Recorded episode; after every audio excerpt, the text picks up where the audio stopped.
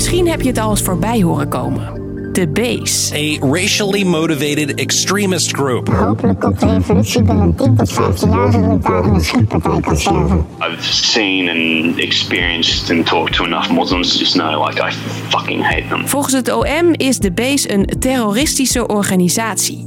Twee jonge jongens staan momenteel terecht omdat ze er lid van zouden zijn. Of deze woorden ook daadwerkelijk naar daden gaan. Nou, bij de meesten zal dat allicht niet zo zijn, maar het hoeft er maar één te zijn die het wel doet. Ik ben Hilde en ik leg je uit wat de zaak tegen deze jongens zo bijzonder maakt en wat de Base is.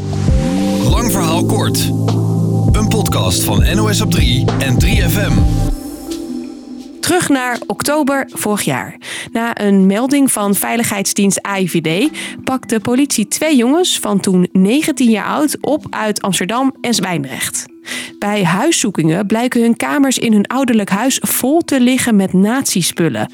Posters, vlaggen, verboden messen. Ze zijn vermoedelijk lid van verschillende rechtsextremistische groepen die online ook contact hebben met elkaar.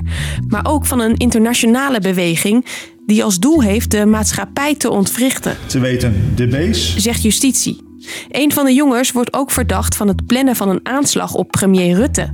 En ze worden verdacht van opruiing. Op sociale media sturen ze dit soort berichten. Killen non-white everywhere. En exterminate their race.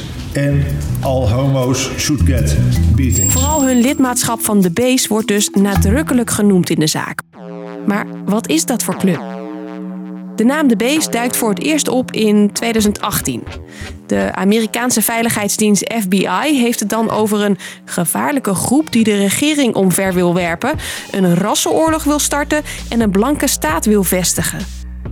Zeven leden worden begin vorig jaar opgepakt in de VS. court documents describing them as a racially motivated violent extremist organization. We're seeing threats of violence. We're seeing threats of armed confrontation and assault on our capital. De groep houdt trainingen waarbij de leden in militaire kleding en met automatische wapens poseren. Ze hebben vergevorderde plannen waar de FBI net op tijd een stokje voor kan steken. Zoals het laten ontsporen van treinen en het vergiftigen van het drinkwater. De structuur van deze groep lijkt op die van Al-Qaeda. Toeval of niet, de letterlijke vertaling van Al-Qaeda naar het Engels is de base. En dat is niet de enige overeenkomst. Ook hun aanpak is ongeveer gelijk.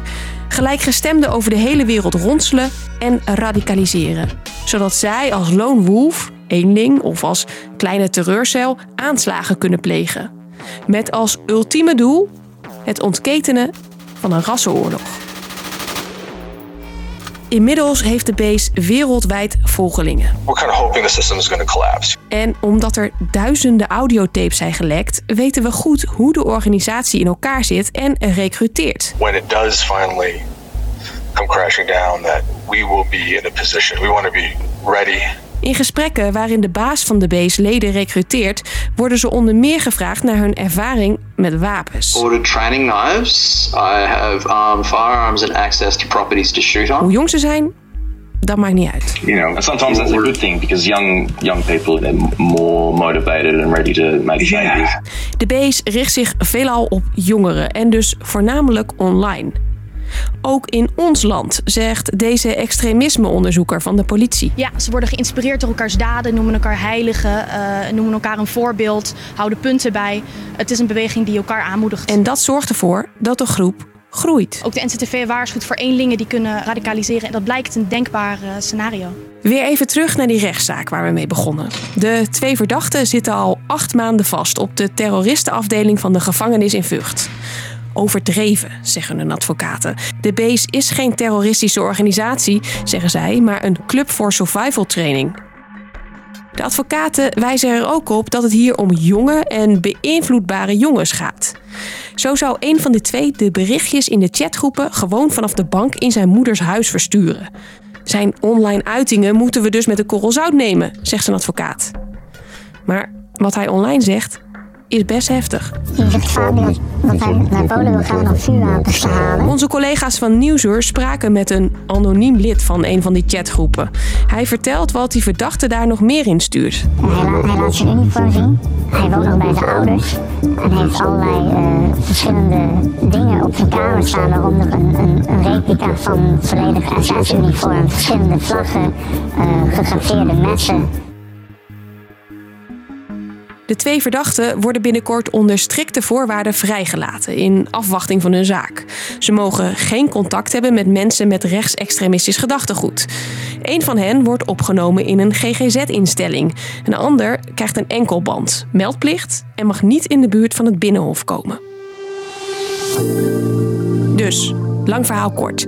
Twee Nederlandse jongens moeten zich voor de rechter verantwoorden omdat ze lid zouden zijn van een rechtse terreurgroep. En niet zomaar eentje, de Base, een internationale club van neonazies waar het Openbaar Ministerie hier zich flink wat zorgen over maakt.